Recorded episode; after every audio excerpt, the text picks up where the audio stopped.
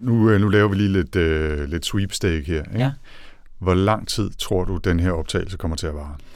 Altså optagelsen, inden den er klippet, ikke? Ja. Ja, så vil jeg sige 1 time og 05. Okay. Det var, det var voldsomt. Ja, Jeg siger 54 minutter. okay. Nu må vi se, hvordan det går. Ja. Lad os komme i gang. Altså, fordi jeg har jo set den klamam, så du har skrevet om de der gadgets alene der, ikke? Så, Nu er det jo lidt snyd, ikke? Fordi hvis du kigger på uret, når Ja. vi er ved at være færdige, Ja. og der kun er gået 52 minutter og 30 sekunder, så kan jeg sige... så kan du bare gå i gang med at snakke. Ikke? Jeg vil lige sige, at de her 30 sekunder, dem trækker jeg fra i det endelige regnskab, fordi det Ja, hører ja. ikke til selve optagelsen. Nej, nej. Det er bare øh, de indledende Det er bare dig, der padler, padler for at komme op på en time og fire. Eller var det fem? Ja, jeg tror, det var det omkring, ja. ja. Alright. Nå, skal vi kaste os ud i det?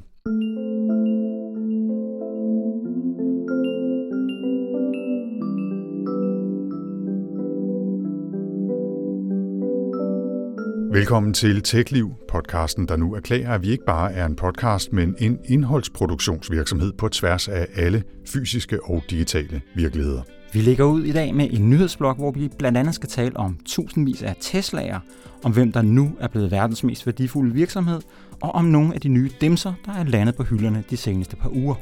Efter nyhederne ser vi nærmere på Mark Zuckerbergs vision for metaverset, og hvorfor Facebook nu ikke længere bare hedder Facebook. Der bliver selvfølgelig også tid til at trække en ny brik op af bonusposen, og til sidst runder vi af med et tip, der handler om at få mere plads tilbage på sin computer eller mobil.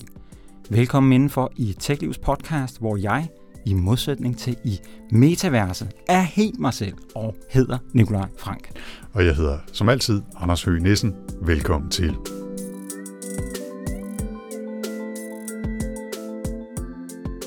Men før vi kaster os over de korte tech-nyheder, så vil jeg gerne byde dig velkommen tilbage i podcaststudiet, Nick. Tusind tak. Sidste gang var jeg jo alene bag mikrofonerne, fordi der var gået efterårsferie i tingene, og så blev det jo også til en særlig udgave af TechLiv-podcasten, hvor jeg satte fokus på cookies og de her såkaldte samtykkebokse, øh, sammen med en ekspert ude fra virkeligheden, Daniel Johansen. Og det gjorde jeg, fordi din udfordring i bonusposen i episoden inden sær-episoden, den handlede om cookies og hvad vi egentlig kan gøre, ikke mindst for at takle den her irritation over hele tiden at skulle klikke ja eller især nej til alle de her eventlige bokse med samtykke. Så fik jeg løst den udfordring med den her sær-episode. Det, det vil jeg sige, at du gjorde. Jeg synes faktisk, at du også øh, godt kan få et lille plus på i, i karakterbogen for en øh, meget sådan øh, grundig gennemgang af det her. Jeg tror, den, var, den eneste ting, der ligesom stod tilbage, da jeg ligesom havde, havde lyttet, det var, det var det der med, kan jeg med ro i sindet bare trykke ja tak til alle cookies, sådan i håbet om, at mine indstillinger i browseren ligesom sørger for at overrule det, så at mit ja tak, gå væk med dig boks, betyder nej tak. Der bliver ikke sat noget alligevel. Ja, det er meget sjovt, du nævner det, fordi det har egentlig også øh, det har, det har pint mig lidt, at jeg ikke synes, vi fik planket den nok ud i snakken. Fordi det kan du godt, men kun hvis du i browseren siger nej tak til alle cookies. Mm-hmm. Så, så bliver der ikke sat nogen cookies. Men det er, jo, det er jo en ret ekstrem surf-situation at være i, fordi så, skal du, så er der virkelig mange ting, der ikke fungerer, som det skal. Så du kan godt slippe for det, men hvis du har kun blokeret for tredjeparts cookies, så kan du altså ikke bare sige ja til alting. Nej. Så er du nødt til at vælge nogle ting fra. Nej, jeg tænkte også lige på sådan noget, du ved, som Ghostery og Adblock plus det ene og alt det der. Du ved, alle de der sådan ekstra plugins, man kan smide på, som ligesom blokerer cookies, om de ligesom snupper det hele, selvom jeg har sagt ja. Og det tror jeg, du godt kan være øh, sikker på, sådan sagt med, med en stor armbevægelse. Ikke? Altså, der er jo for- forskel på de forskellige browser de forskellige plugins osv., men jeg tror, du er sådan okay sikker ved at bruge nogle af de store kendte, ikke? Ghostery for eksempel. Ikke? Og jeg kan bare sige til dig, at her på det seneste, der er jeg faktisk begyndt sådan at vende mig lidt til at sige, okay, du må godt sætte cookies, og så sidder jeg sådan og gnækker lidt bagefter. Godt. Og tager en smuk af og et glas mælk. Ja. Nick, der er lige en opfølger mere, og det handler om Facebook, som vi også skal snakke mere om senere, men der er simpelthen så meget Facebook-stof i de her uger. Det må man sige, der er. Fordi i den sidste ordinære episode, der talte vi jo en hel del om Facebooks de her mareridsuger, hvor lækkede dokumenter sat gang i Wall Street Journals artikel og podcastserie, den der hed Facebook Files.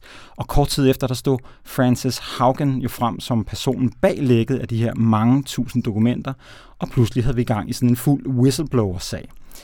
De her dokumenter, som Haugen har lækket, de er jo så efterfølgende blevet sendt til de amerikanske myndigheder, og senest har sådan et konsortium bestående af 17 medier, de har haft lejlighed til at grave nye historier frem.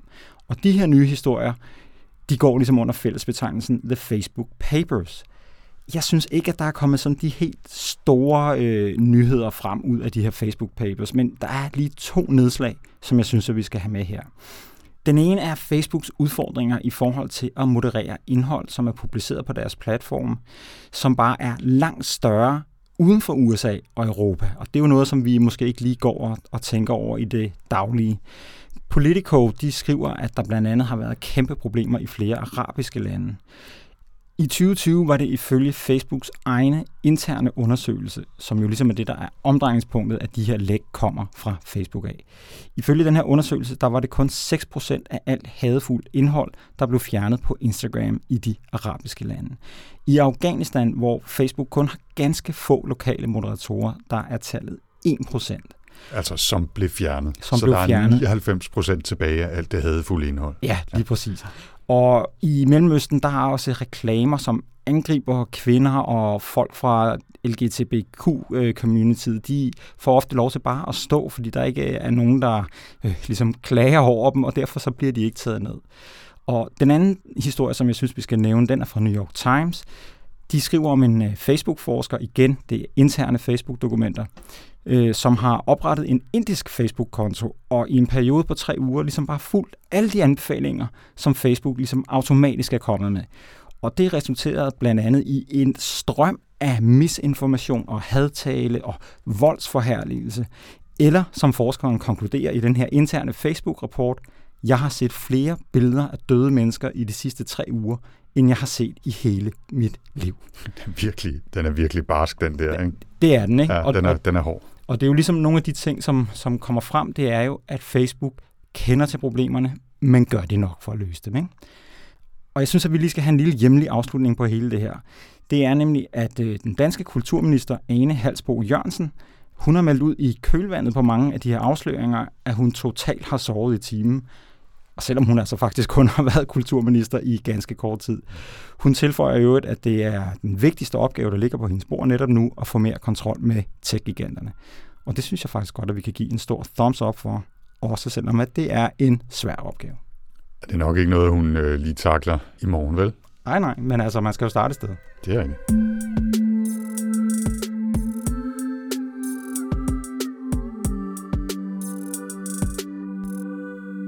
Og så er det blevet tid til de korte nyheder, der i denne omgang faktisk handler rigtig meget om penge.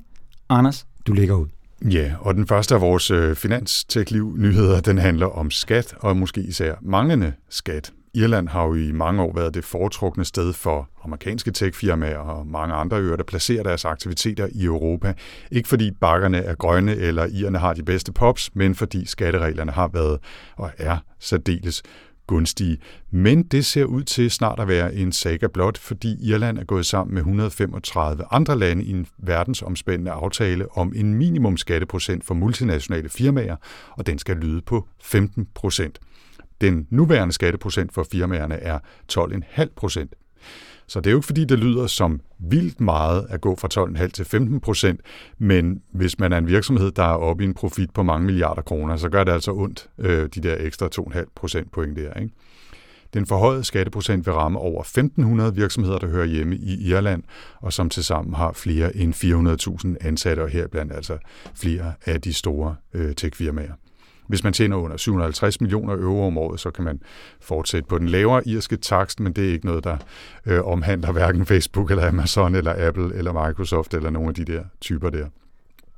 Samtidig så betyder den her aftale også, at multinationale firmaer skal betale skat i de lande, hvor de rent faktisk tjener deres penge. Så de kan ikke bare længere kanalisere alle indtægterne tilbage til deres hovedsæde i Irland, hvor de fleste af dem altså har, har hovedkvarter.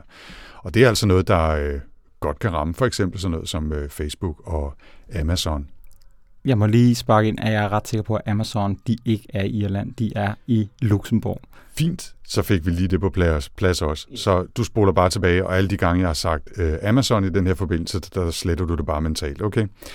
Godt, tilbage til nyheden, fordi hvis de her virksomheder har en global omsætning på over 20 milliarder euro og profitmarginer på over 10 procent, så skal de betale skat lokalt af den andel af profitten, som overstiger de første 10 procent. Det bliver selvfølgelig skatteteknisk, men den korte af det lange er, at de får et smæk. det forventes desværre tidligst, at de her nye regler vil blive implementeret i 2023, og så er der også stadigvæk lande, der skal vedtage nationale ændringer, før deres indtræden i aftalen vil være fuldt gyldig. Men et vigtigt og godt skridt på vejen, vil jeg sige. Mm-hmm. Og så til et firma, der tjener rigtig, rigtig, rigtig mange penge, men faktisk også øh, laver fysiske produkter. Ja, vi skal have nyt fra Elbilland, hvor Tesla i sidste uge modtog den hidtil største ordre, som er afgivet på elektriske biler. Det er biludlejningsfirmaet Hertz, som har bestilt 100.000 Tesla'er, og jeg tror, det er Model 3 dem alle sammen. Og de skal altså leveres mellem november måned, altså nu, og slutningen af næste år. Og til den tid, der vil 20% af Hertz samlede flåde være elektrisk. Og samtidig så vil Hertz bygge sit eget ladenetværk op, således at bilerne altså både kan lades op hos Hertz selv, og så også på Teslas Supercharger-ladestationer. Mm. Ifølge Elon Musk, så har Hertz fået en kæmpe rabat på de her 100.000 Tesla'er.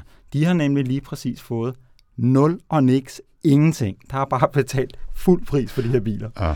Og det er nemlig lidt sjovt, ikke? fordi som sådan en meget central sidehistorie, så fik ordren Teslas aktie til at stige med 10 procentpoint på få timer, og dermed passerede Teslas markedsværdi for første gang 1.000 milliarder dollars. Og den stigning den er bare fortsat og har så samtidig resulteret i, at Musks personlige formue har passeret 300 milliarder dollars, hvilket gør ham til verdens rigeste igen.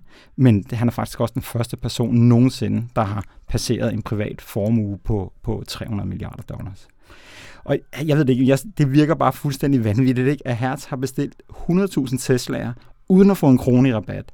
Og Tesla har ud over selve ordren på godt de her 4 milliarder dollars lige lagt yderligere 100 milliarder dollars oveni ved deres værdistigning. Jeg vil lige sige som en lille krølle på hanen, så har Hertz tænkt sig at tilbyde op mod 50.000 Uber-chauffører at lege en Tesla af Hertz, som de så kan bruge til at lægge og køre Uber i. Så ringene i vandet breder sig altså med de her elektriske biler. Ikke? Mm.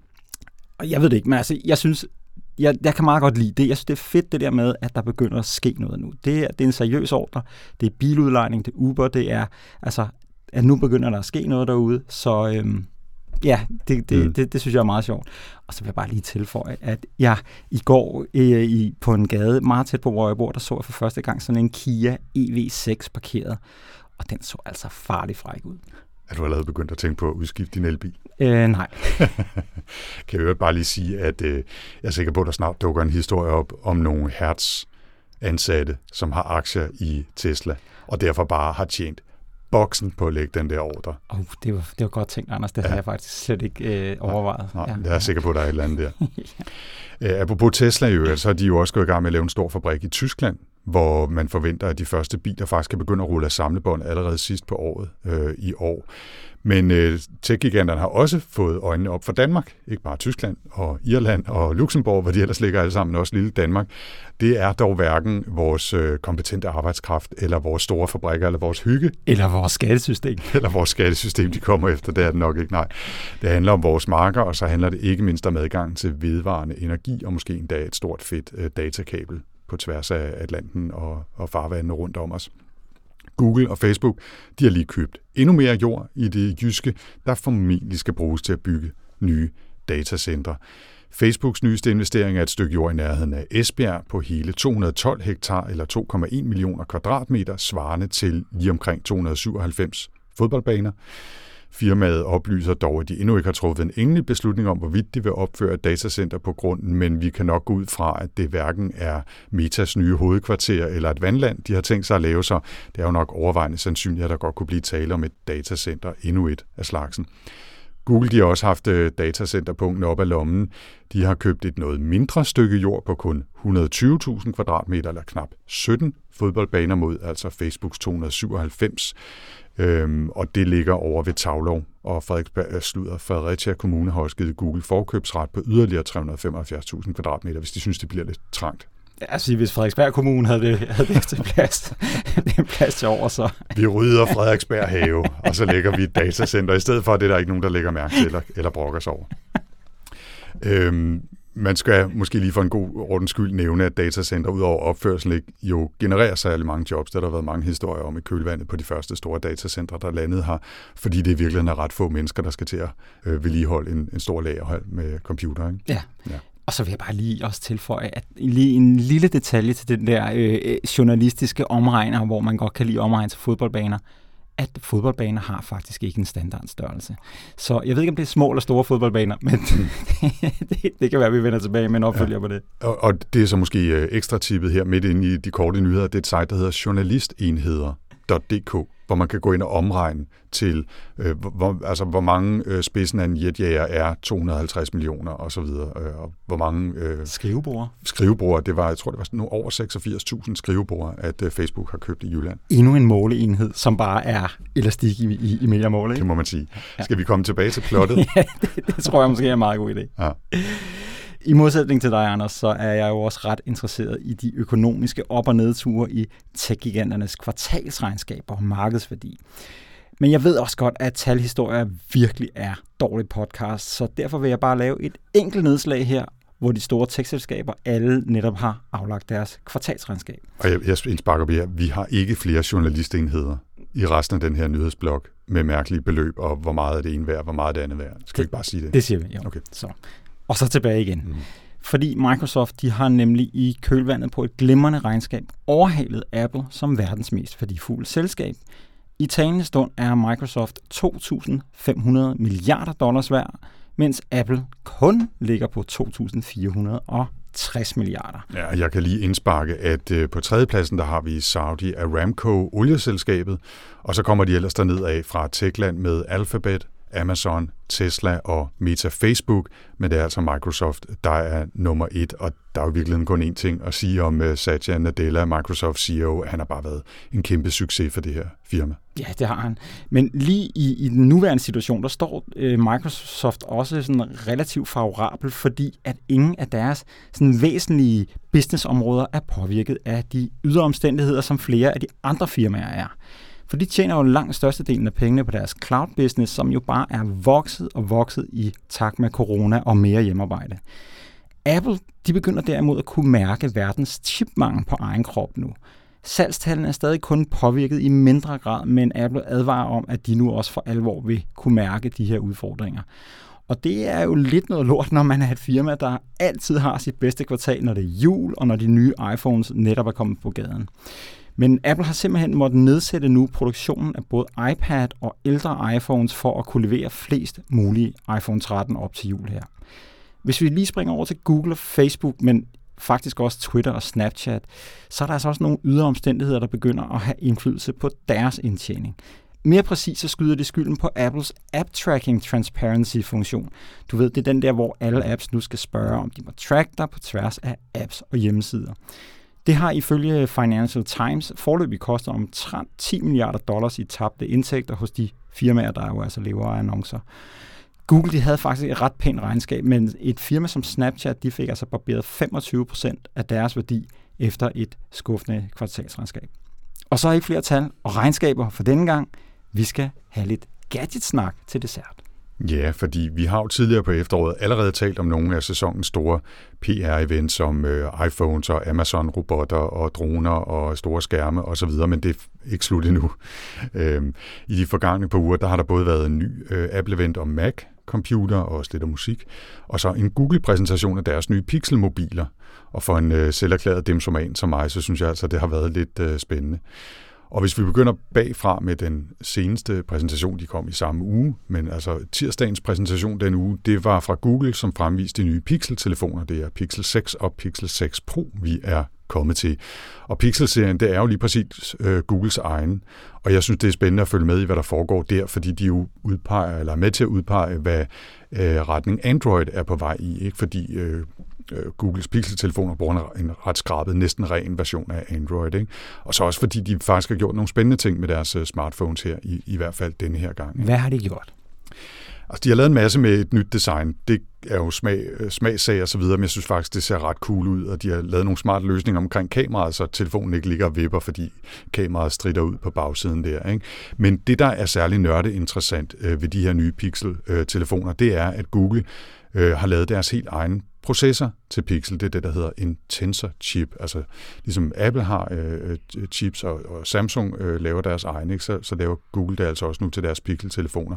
Og det er jo en, en chip, der skal gøre det muligt at give dem fuldstændig kontrol over alle de beregninger, der foregår, både i CPU'en og i GPU'en øh, øh, inde, i, øh, inde i computeren, give dem fuldstændig kontrol over alle de algoritmer, der nu kan køre optimalt på den her øh, tensor-chip.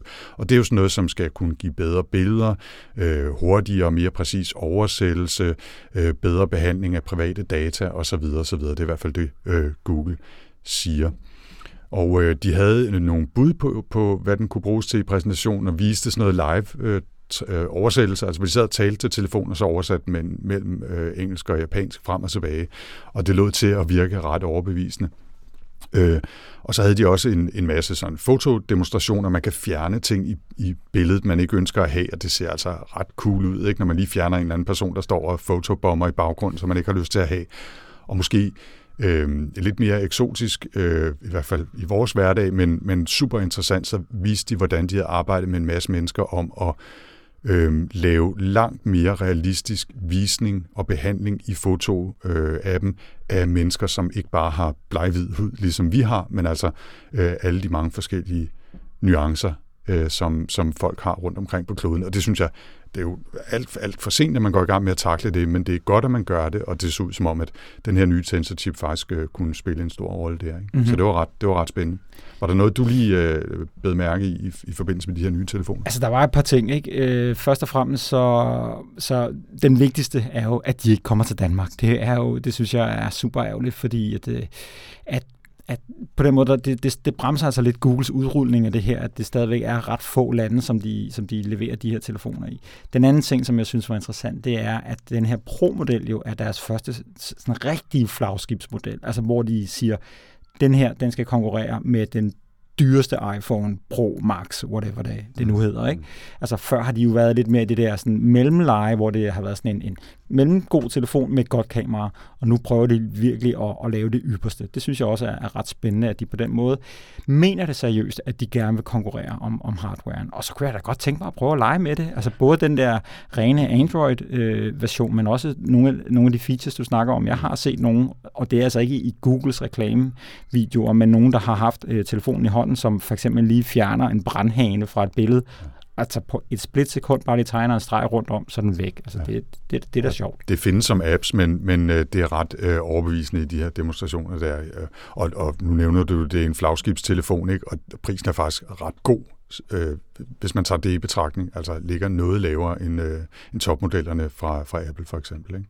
Og så var der, ja, så var der Apple, som også præsenterede noget. Hvad var det? Ja, den her gang, der var de kommet til deres øh, nye Mac-computer, helt specifikt to nye MacBooks, og så ikke mindst næste version af deres egen hjemmebyggede chips, dem der hedder M-serien, som nu kommer i to nye udgaver, en M1 Pro, der er vild, og så en, der hedder M1 Max, altså ikke MACS, men MAX, som er endnu vildere.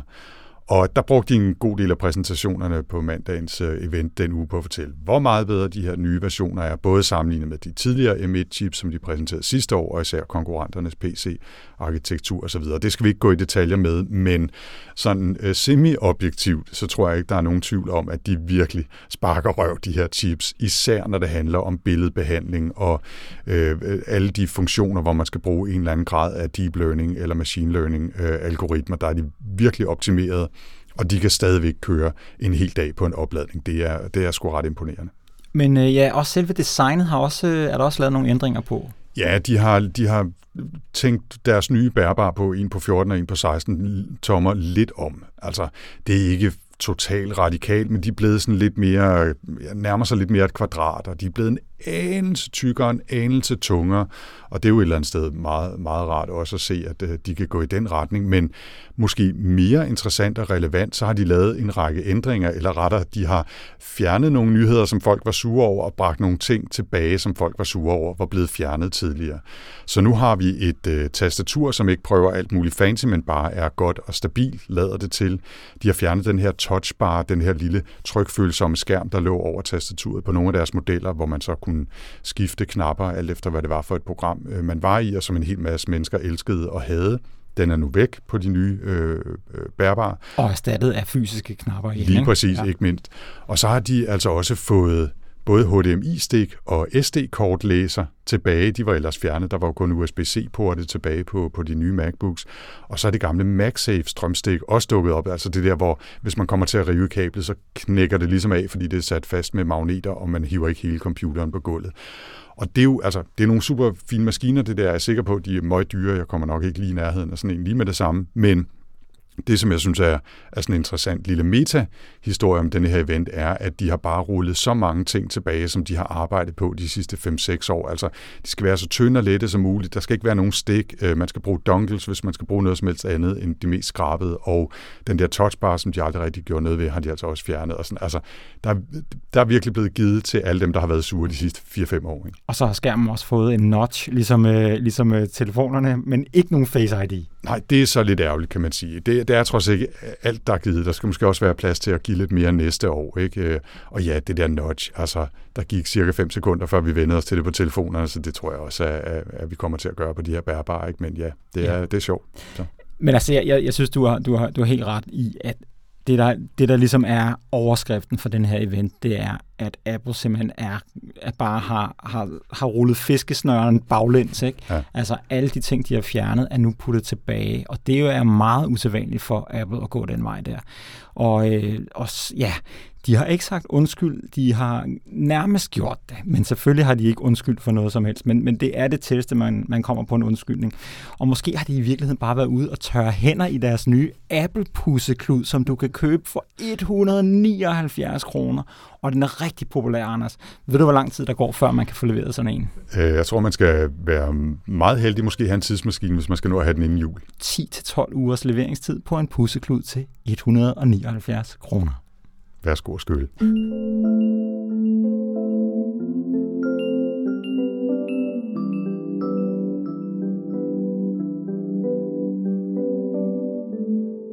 Nå, Anders. Mm-hmm. Det er blevet tid til bonusposen, og jeg har en grim følelse. Jeg ved ikke, hvor jeg har den fra, men det har jeg bare af, at der på en eller anden måde er blevet puttet nogle små ubehagelige brækker derned, efter at jeg sidste gang gav en udfordring, der var lidt mere en almindelig tidskrævende at, at løse.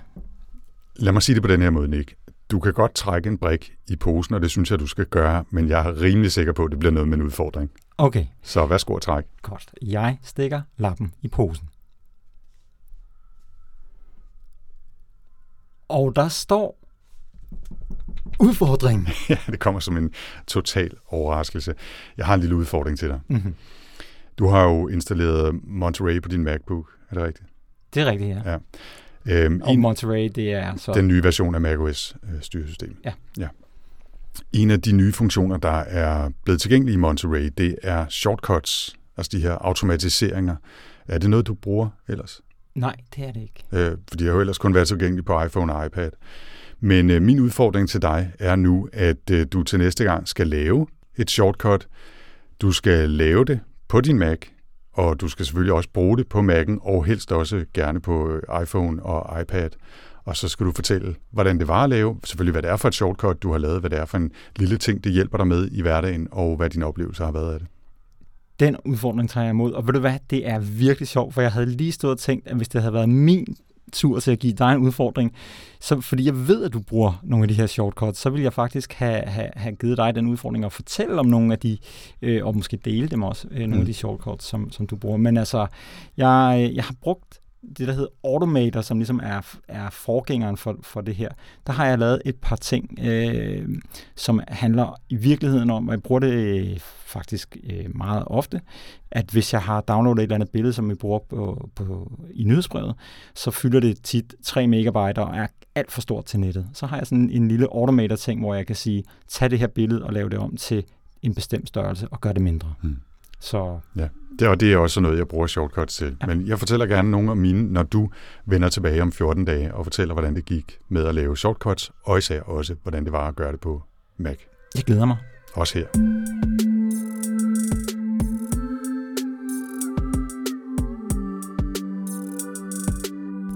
Vi er kommet til den her episodes fokus, og det kan jo nærmest ikke andet end handle om Facebook og firmaets navneskifte til Meta og ikke mindst deres vision for metaverset, som Mark Zuckerberg i sidste uge løftede sløret for i en keynote-præsentation ved konferencen Facebook Connect.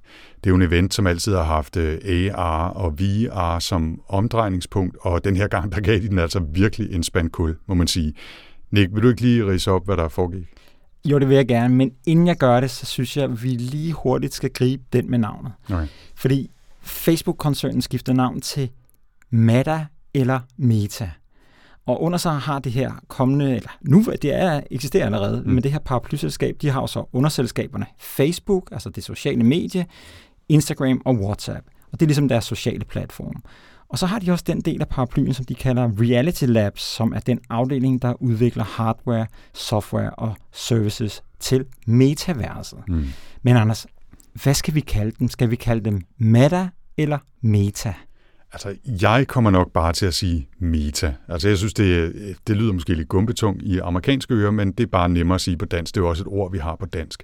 Så jeg synes på en eller anden måde, det er nemmere. Så jeg siger nok bare mest meta jeg har på fornemmelsen, at jeg kommer til at kalde dem for meta, så måske blande det lidt sammen. Så dem, I må altså lige bære over med os. Det er alt sammen meget nyt, og ja. måske kommer vi også til at kalde dem Facebook nogle gange. Det gør vi helt sikkert, ja. Vi skal nok vende tilbage til det her med navnskiftet lidt senere, men jeg synes, øh, vi skal vende tilbage til det, vi egentlig startede med, nemlig altså det her fokus på metaverset og metas fremtidsvision. Ja, øh, det var en af de her præoptaget events, som vi er blevet så vant til under, under corona. Men i modsætning til de her klassiske præsentationer af nye produkter, som du kan købe om et øjeblik, så gik størstedelen af den godt 80 minutter lange præsentation med at forklare, hvordan Mark Zuckerberg forestiller sig, at det sociale internet vil udvikle sig over de næste 10-20 år. For at forklare pointerne, der havde Meta lavet en lang række computerskabte videoer af, hvordan de forestiller sig, at fremtiden i metaverset kan se ud. Men inden vi går længere ned i det, så skal vi nok lige have en forklaring på, hvad metaverset er. Og det er jo så heldigt, at jeg i podcasten for små tre måneder siden gav dig, Anders, en udfordring, hvor du skulle forklare metaverset på cirka 90 sekunder. Så lad os lige spole tilbage til episode 17 i august.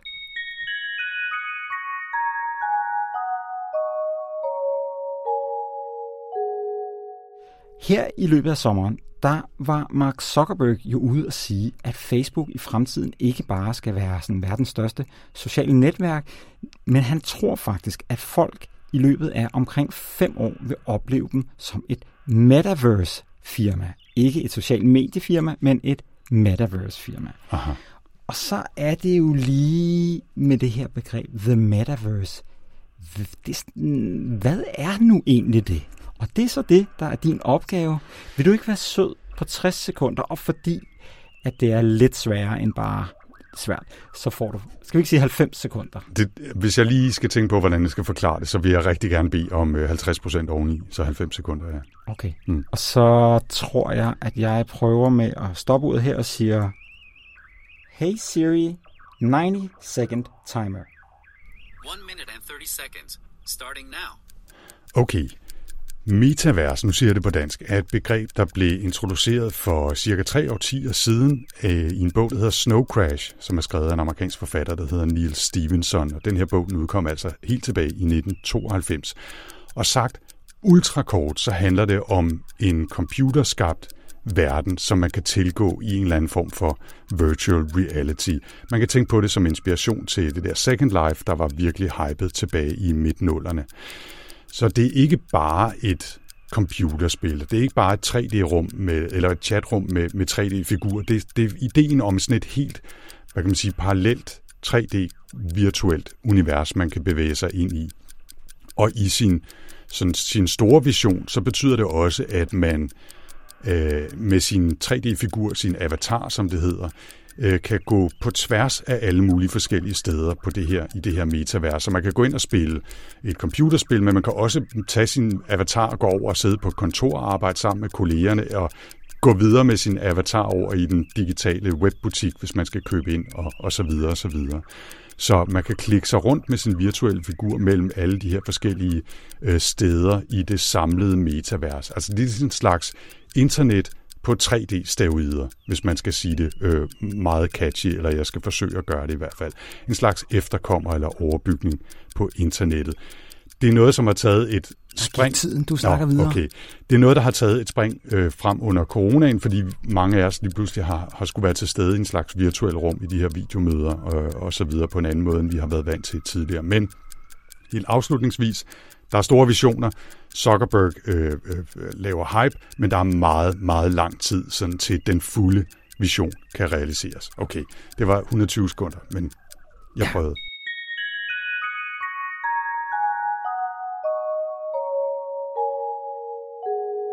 Og det var jo en ret fin forklaring, Anders. Metaverset er altså kort fortalt et internet, som man befinder sig inde i. Et certificeret internet. Og det var altså det, som Zuckerberg ikke bare talte om, men som han visualiserede. Det vi så var blandt andet tre forskellige platforme, som Meta selv udvikler til deres Quest-brille. Det her headset, øh, VR-headset, som de laver. Mm. Den ene hedder Horizon Workrooms, og den findes allerede i en beta-version. Og så var der to andre platforme, en der hed Horizon Home og Horizon Worlds. Og hvor de to første altså er sådan nogle virtuelle universer, der er udviklet til henholdsvis arbejdspladsen og som et personligt virtuelt hjem, hvor du kan invitere venner eller familie over, så er den her Horizon Worlds ting som et sted, hvor du sådan sammen med andre kan designe nye universer og oplevelser. Ja. Det er sådan lidt flyvsk, ikke? Ja, det må man sige, og det var jo en del af hele præsentationen. Ikke? Det var jo, at det var lidt flyvsk, også selvom der var visualiseringer af noget af det, så er det fremtidsvisioner, og mange af tingene er øh, noget, man faktisk ikke kan lave med nutidens teknologi. Det er forestillinger om, hvor det er på vej hen. Ikke? Men de viste altså nogle eksempler, som jo så er i en eller anden grad snyd, også selvom der var klip fra, fra workrooms og så videre. Ikke? Men det var så noget med, at øh, der var sådan fitness sessions, hvor man kunne være sammen, øh, og nogen sad og cyklede på en, en cykel øh, fysisk, og, og nogen så man så være til stede andre steder fra. Der var små spil, hvor Zuckerbergs avatar, der jo lignede ham øh, ret meget i sådan en tegneserieudgave, øh, surfede mod en anden i sådan et lille, et lille enkelt spil. Ikke? Øh, dem var der mange af, de der små enkle spil. Øh, sådan, der var nogle øh, et par gamle øh, mænd eller ældre herrer, som sad og spillede øh, skak på et fortorv i Barcelona, hvor, hvor, hvor de altså mødtes i, i det virtuelle rum, hvor den ene så, at han var fysisk til stede, og den anden var til stede med en slags øh,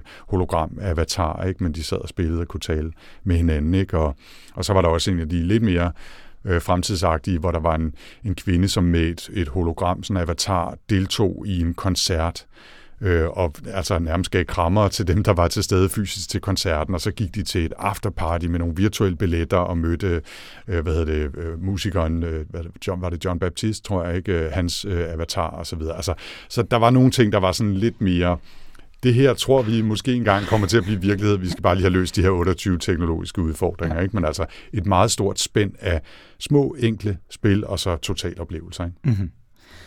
Ja, og Mark Zuckerberg, han var altså selv vært for den her event, og han optrådte, synes jeg, Anders, i sådan en usædvanlig afslappet stil. Mm. Men han var ikke bare sådan en, der snakkede til kameraer, sådan, som vi jo kender det for alle de her præsentationer. Han var også sådan en interviewer, der var rundt og, og førte samtaler med flere andre chefer i Meta-koncernen. Måske mest interessant, så talte han med chefen for firmaets hardware-division, som hun, hedder Angela Chang, om et nyt headset, der efter planen kommer til næste år, og som går under navnet Project Cambria. Og det vil ikke blot være et VR-headset, men det vil også have det, man kalder pass-through.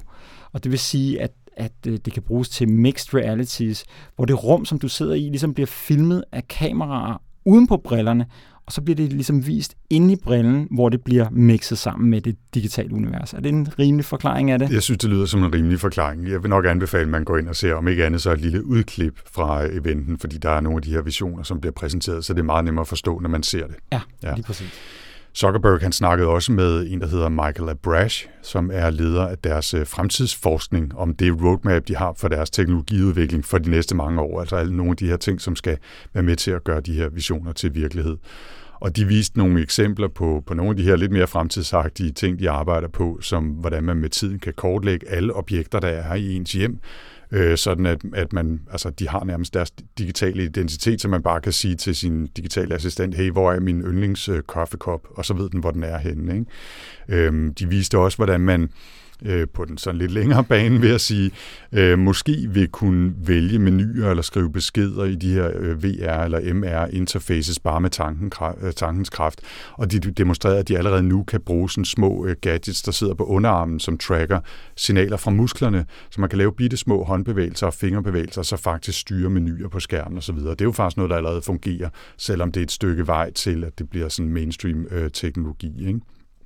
Øh, og så snakkede de om to af de mest centrale udfordringer, som formodentlig kan løses inden alt for længe, øh, før metaverset bliver mere mainstream. Og den ene ting er det, man kalder for fotorealistiske avatarer, altså en virtuel udgave af, af os to for eksempel, ikke, som ligner os så meget, at det er meget nemt at se, at det er os i virkeligheden. Ikke? Og øh, den anden er muligheden for at have øjenkontakt med andre. Det er jo måske noget, man kender allerede fra videomøder. Det er faktisk virkelig besværligt, det der med, at man kigger ned på et billede, og det er ikke der, kameraet ser, og så ser man aldrig direkte på folk, det er noget råd. Ikke? Øhm, og de sagde så, at jamen, de her teknologiske udviklinger, de øh, kommer på forskellige tidspunkter. Der er nogen, som absolut skal gøres, før vi overhovedet kan nærme os noget, der ligner de her visioner. Der er andre, der er tættere på, på noget, vi kan i dag. Ikke? Ja, men, men, men altså bare lige, altså fordi at det er øh, fluff i metermål, i princippet det, Helt de har afgjort. præsenteret, så, så klæder det dem trods alt at sige, det her kræver flere teknologiske gennembrud, før vi overhovedet, altså før den her ting måske bliver til virkelighed. Ikke? Mm. Der var også en anden ting, som de jo så heldigvis også kom ind på, og det var jo noget omkring privatliv og regulering. Og der havde Zuckerberg en snak med Nick Clegg, som ligesom er den øverste talsmand for Facebook og nu Meta. Og her sagde de meget klogt i de her tider, hvor selskabet ligesom er under beskydning fra alle sider, at de håbede på ved ligesom at fremlægge deres visioner for de næste 10-20 år, at lovgiverne og, og sådan hele det her reguleringsapparat omkring øh, den digitale udvikling, at det ligesom, at det, altså man ligesom kan udvikle den, den regulering samtidig med, at teknologien bliver udviklet, så man ikke ligesom gentager hvad skal man sige, de fejltagelser fra den første del af vores øh, internetudvikling, hvor at, at lovgiverne virkelig er kommet på, på bagkant i forhold til, hvordan de her teknologier jo faktisk har ændret samfundet øh, markant. Så, men altså, igen, det er jo en billig omgang at, at, at sidde der, og nærmest en gratis omgang, ikke? Altså, bare at, at sige, at vi forestiller os alt det her, og nu bliver regulering meget bedre og alt sådan noget. Ja, og i øvrigt sige, at vi gør det åbent, og vi arbejder sammen med alle, og vi skal nok øh, understøtte alle dem, der har lyst til at lave ting til det her univers, og så videre, og så videre. Ikke? Altså, de, de slår på alle de rigtige klokker. Ikke? Ja, ja, og, ja, og faktisk også en vigtig pointe, det du siger der med, at Facebook ikke opfatter, at de skal udvikle metaverset, men at de udvikler for metaverset, altså sammen med en lang række andre aktører. Mm. Men jeg, jeg synes, der er en ting, der lige er værd at slå ned på. Jeg kan ikke mindes, at jeg nogensinde har set et af de her store tech-firmaer offentligt fremlægge deres vision for, hvad der skal ske de næste 10, 20, måske 30 år, og endda være meget konkrete om, hvad det er for nogle teknologier, og hvad for nogle briller, og hvad for nogle det ene og det andet, og det tredje, de, de arbejder på. Øhm, mm. Er det noget, du har set før? Altså, jeg har set det i, i stumper og stykker rundt omkring. Jeg, jeg kan ikke sådan lige på stående fod huske en helt 80 minutter lang event, øh, keynote til en stor konference, hvor man har set så meget på en mere eller mindre konkret øh, fremtid, men der har jo været masser af konceptvideoer, som er blevet delt til de her events. Øh, for eksempel ikke? Microsoft har lavet en masse om deres idéer om AR, dengang de udviklede deres HoloLens, øh, den her mixed reality øh, headset-brille, hvor man kan se digitale elementer som et lag oven på virkeligheden. Der blev der også lavet mange sådan øh, fantasifulde øh, videoer, som handlede om, hvordan det ville blive brugt, og hvordan vi alle sammen ville komme, arbejde, komme til at arbejde, hvordan Microsoft-produkter spillede ind i det på kryds og tværs og gennem cloud og alt muligt andet. Så jeg har set det, men, men måske ikke så gennemført, og måske ikke så øh, luftigt øh, eller vidtrækkende som, som i det her tilfælde. Nej, men det, men det var også, altså, fordi at netop som du siger med Microsoft, de har lidt pakket ind i, en event, i nogle events, hvor de også præsenterer nogle andre ting. Så det her var sådan meget hardcore, det der med, at det vi skal snakke om nu, det er, hvad der sker i løbet af de næste 10-20 år, og det er derfor, vores firma ligesom skal ændre sig nu. Ikke? Mm. Det, det, det, jeg synes i hvert fald, at det var bemærkelsesværdigt. Anders, hvis du skal fremhæve et par ting fra den her event, og også den efterfølgende debat om metaverset og om metanavnet, hvad, hvad, hvad står ud? Mm. Øh, ja, et par ting. Altså, øh, jeg er jo ikke den store øh, gamer. Altså, jeg har spillet computerspil før i tiden, og gør det en sjældent gang imellem, men, øh, men gør det ikke særlig meget nu, og jeg bruger i virkeligheden heller ikke særlig meget tid på at være social, og jeg er jo heller ikke på Facebook for eksempel. Så det, jeg egentlig synes var mest spændende øh, i, i de her øh, AR eller Mixed Reality-visioner, det var, hvordan man også kunne bruge det i arbejdssammenhæng. Øhm, og, og der var nogle fine sådan, øh, visioner af, hvordan man kunne sætte sig ind, og så kunne man få vist en hel masse øh, computerskærme eller designs eller gadgets sådan i, i et øh, augmented reality-lag oven på virkeligheden, så man for eksempel kunne vælge at have en 80-tommer skærm svævende i luften foran sig, eller sat op på en væg, eller man kunne have 53 tommer skærme og sådan placere dem rundt om sig, og når man så vendte så så man den ene, og når man vendte sig den anden vej, så man den anden og sådan noget. Altså det er jo sådan noget, jeg, som jeg kunne se en kæmpe værdi i, i mit daglige arbejde, og synes er, er super spændende, og glæder mig til at prøve på et eller andet tidspunkt, når, når det begynder at blive virkelighed. Øhm, det er noget, man for eksempel allerede kan i en vis grad med HoloLens, for eksempel Microsofts øh, AR-headset der, ikke? men altså, der er det bare ikke øh, helt så smooth, og det er et kæmpe headset og alt det der. Ikke? Hvis jeg så øh, som den anden ting skal slå ned på noget fra reaktionerne og debatten i kølvandet på, på eventen her, så, så bliver det lidt sværere, fordi der er jo kommet en djævelsbunke kritik, og i virkeligheden synes jeg, at det meste er det øh, er rimelig kritik, og jeg nok enig i det meste. Ikke? men jeg er nok også sci-fi-nørdet og teknysgerrig nok til at synes, at metaverset er spændende, og at jeg gerne vil se det. Altså, hvad kan det blive til? Hvordan kan det udvikle sig, det her? Hvad kan vi bruge det til? Hvad, hvad kan folk, som ikke er meta, eller de store virksomheder finde på at bruge det til? Det er jo noget af det, der er det sjove. Jeg tvivler bare rigtig meget på, at Meta er det rigtige firma til at drive den her udvikling, eller drive den videre. Så på trods af alt deres snak om åbenhed og interoperabilitet og så videre, så, så er jeg sgu lidt nervøs for, at det er Meta eller Facebook, øh, som kommer til at sætte sig tungt på, på den her udvikling, og i praksis styre udviklingen, for det tror jeg ikke er en god idé. Hvad med dig? Ja, altså, jeg, hvis mit første nedslag, det, det har vi faktisk ikke rigtig været inde på øh, i, i snakken her, men det handler om det der med forestillingen, som, som Mark Zuckerberg i hvert fald også har, om, at den her creator-økonomi kommer til at blive gigantisk.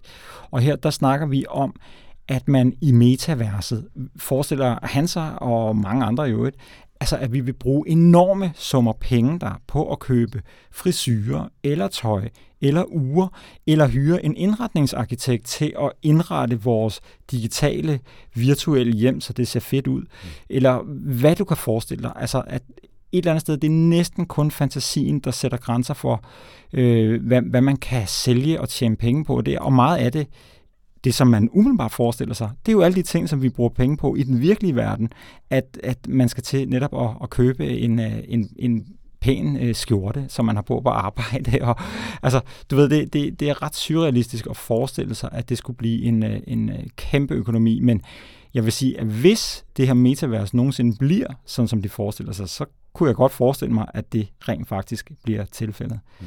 Den anden ting, som jeg tænker, det er jo det, er jo det der sådan mere sådan filosofiske, om det overhovedet er en fremtid, som, som jeg har lyst til at leve i, hvor at jeg har en anden personlighed, eller er det bare en kopi af min personlighed i den virkelige verden, som skal bo inde i de her øh, digitale universer? Altså jeg tror, der er mange folk, der kan få deres hoved kørt fuldstændig over af sig selv, fordi at de skal til at navigere i en ekstra verden, som er så...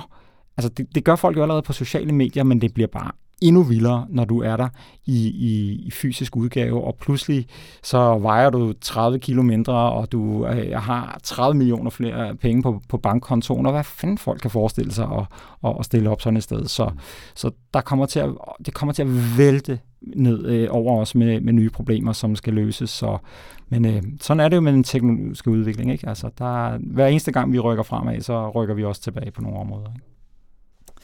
Og skal vi ikke lige her til sidst slutte med en kommentar til navneskiftet her. Hvad, hvad synes du om navnet, og er det bare sådan et taktisk skifte nu, fordi de ligesom er i, i modvind på grund af de her Facebook-papers og whistleblower-sager, eller er det blot sådan helt logisk, at Facebook nu pludselig skifter navn til Meta eller Meta? Mm, mm, det er jo en kompleks sag. Jeg tror, jeg, det kan godt være, at jeg er naiv, men jeg tror i virkeligheden, at selvom branding og en slags afbøjning af den aktuelle debat øh, og den kritiske opmærksomhed også er en faktor, så tror jeg faktisk, det primært handler om, at virksomheden gerne vil organiseres, organisere sig på en ny måde, ligesom øh, Google gjorde med, med deres alfabet øh, moderselskab for nogle år siden. Jeg tvivler også på, at de kan snyde nogen ved at kalde sig Meta eller Meta i stedet for, øh, for Facebook. Især ikke nu, hvor vi alle sammen taler om det, om det i virkeligheden er det, de prøver at gøre. Og så kan det også være, at de simpelthen ikke kommer til at kunne undslippe øh, Facebook-navnet. Altså ligesom de aller, aller fleste bare siger Google, også selvom de måske mener alfabet, øh, så er der jo heller ikke nogen mennesker øh, sikkert i fremtiden, der vil sige Meta. De siger bare Facebook, ikke? eller Instagram, eller WhatsApp, eller hvad det nu er. Altså, som jeg ser det, der, der altså, jeg, jeg synes, der er utrolig meget logik i det. Der er ingen tvivl om, at Facebook er er ligesom færdigudviklet. Der er ikke meget mere at komme efter, og derfor så sigter de nu efter øh, fremtiden, og det er så metaverset, de ser som fremtiden, og derfor kan jeg godt forstå, at de gerne vil af med Facebook-navnet som, som det her kon- koncern-navn. Og det er også lidt kompliceret. Hvornår snakker du om Facebook som den her mastodont, og hvornår snakker du om det sociale medie? Jeg synes til gengæld med det nye navn, når man står frem og siger, metaverset, det er fremtiden. Men det er ikke noget, vi bare skal udvikle. Vi udvikler bare til metaverset. Så synes jeg, det er støjer helt sindssygt, at de så vælger navnet Meta. Altså, det, det, der burde de bare have, have valgt det der Horizon, som var det andet, der, som de stod og vippede mellem, som de så valgte at, at kalde deres platform der i stedet for. Det havde givet meget, meget mere mening. Fordi nu, nu træder det lige præcis ned i den der med, ja, det er fordi, I vil sætte jer på det næste. At I kalder jer, altså I har nærmest taget patent på at være metaverset, fordi I hedder Meta. Det, det, det synes jeg er lidt åndssvagt. Men altså, som jeg også skrev i nyhedsbrevet, jeg føler mig ret overbevist om, at det her også er Mark Zuckerbergs chance til meget snart at forlade posten som CEO for Facebook. I stedet for, så bliver han det for hele koncernen under, under det her metanavn, og så lader han en anden en om at tage sig dagligdagens strabasser på Facebook, som efterhånden jo er en øh, ret stor opgave bare at skulle prøve at holde kritikerne for døren. Så det, på den måde er det lidt en, en, en, no-brainer, at, at de gør det nu. Jeg synes, øh, de skulle have valgt et andet navn.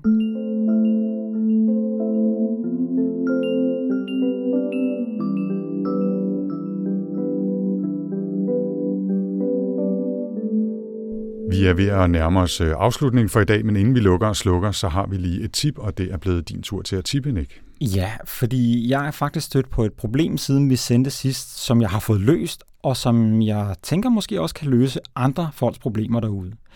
Jeg kiggede nemlig på min iPhones lagerplads, og på trods af, at der er 256 GB til rådighed, altså da den var helt tom, ikke? Mm-hmm.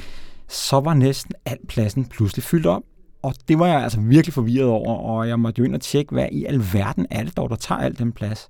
Og jeg var ret sikker på, at det måtte være mit fotobibliotek. Men nej, sønderen var Apples podcast-app. Den fyldte intet mindre end 131 gigabyte. Ganske enkelt, fordi jeg simpelthen har glemt at sætte nogen form for grænse på, hvor mange episoder den må gemme af hver af de podcasts, som jeg abonnerer på. Så mit tip, det er todelt. Det ene er at tjekke, hvor meget plads podcast fylder på dit device.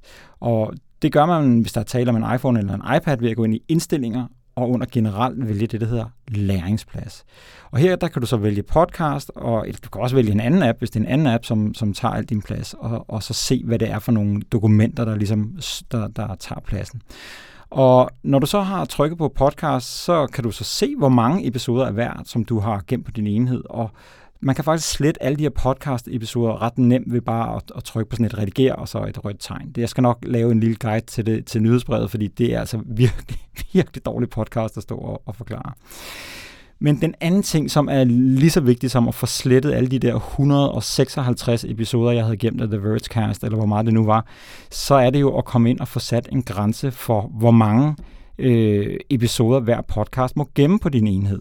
Og det er altså også relativt besværligt, hvis man bruger Apples podcast-app. Der skal du faktisk ind og vælge hver evig eneste podcast inde i appen.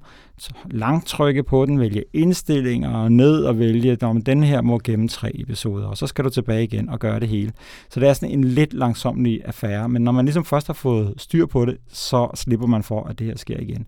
Og jeg har faktisk været igennem både min computer og, og, og også øh, familiemedlemmers computer, som har haft præcis den samme øh, problem med, at podcast bare har fyldt helt urimeligt meget. Så det ugens tip, det er få ryddet ud i din podcast. Sørg for, at der kun er gemt måske tre episoder af hver podcast. Øh, det kan være, at der er nogle enkelte, hvor du gerne vil gemme dem alle sammen. Og jeg lover, at jeg laver en lille guide, der kommer i nyhedsbrevet. Hmm. Anders, har du eventuelt et lignende tip til den podcast, at du bruger? Ja, jeg bruger en uh, app, der hedder Overcast, som jeg er super glad for, og som uh, jeg gerne vil anbefale andre også at tjekke ud, om ikke andet.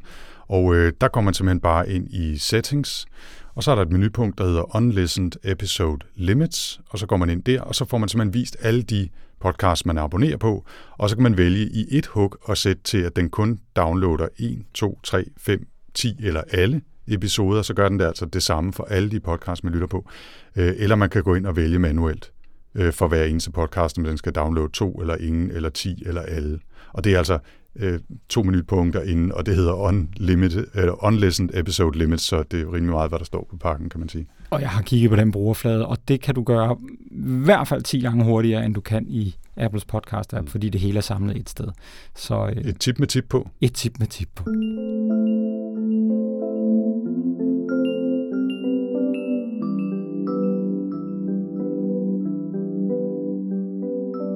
Og med det er vi nået til slutningen af denne udgave af TechLiv-podcasten. Vi håber, at du vil sprede ordet til alle de tekniske folk, du kender derude, hvis du kan lide at lytte med. Vi har i hvert fald været super glade for at være tilbage i studiet sammen igen efter en lille pause her. Tilbage er der bare at sige, at vi vender tilbage igen med fuld bemanding. Det håber vi i hvert fald om 14 dage lige her i din afspiller. Jeg hedder Nikolaj Frank. Og jeg hedder Anders Høgh Nissen. Vi høres ved. Tak for denne gang.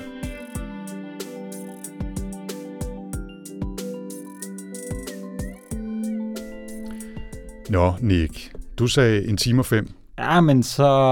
Og jeg sagde 54. Skal ja, vi løfte ja, sløret for, hvor ja, lang tid vi har optaget? Jeg tror, vi er nogenlunde midt imellem. Okay, og vi Tættere har, på dig. Vi har optaget i en time. midt imellem. Så du, du vandt faktisk med at også sige, at du har godt nok trukket tid mere ud, end jeg. Jo, jo, men det, var jo, det, det vidste jeg jo godt. Altså, jeg vidste jo ikke, at, jeg, at det ville være mig. Men, altså.